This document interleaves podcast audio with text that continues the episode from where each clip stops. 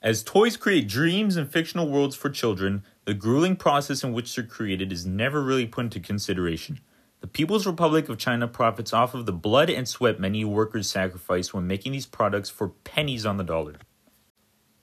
The topic intrigued me when I learned a friend of mine would no longer buy products made in China for the poor quality and the disgusting way they treat factory workers. Now, cheap labor has been around as long as the concept of factories, but has never quite been executed how the Chinese do things. With a low standard of living and the largest population in any country, the conditions are ripe for a massive export economy sitting on the shoulders of poor men and women with no other options. Three things that made me question if we should continue buying Chinese products were the large trade deficit we've accumulated, the miserable conditions of factory workers, and corporations taking advantage of such conditions. Trading with China has created a 375 billion trade deficit for us. There are several factors that contribute to this deficit, such as Chinese cheap labor, government policies, and unfair trade practices.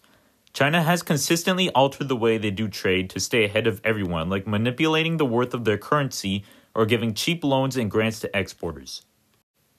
Workers responsible for making products are put in terrible conditions. Multinational corporations typically do not have to worry about workplace safety or child labor as countries like China don't have to bother signing laws that prohibit immoral treatment of workers. This lets production costs be cheaper by taking advantage of poorly educated people who make pennies an hour.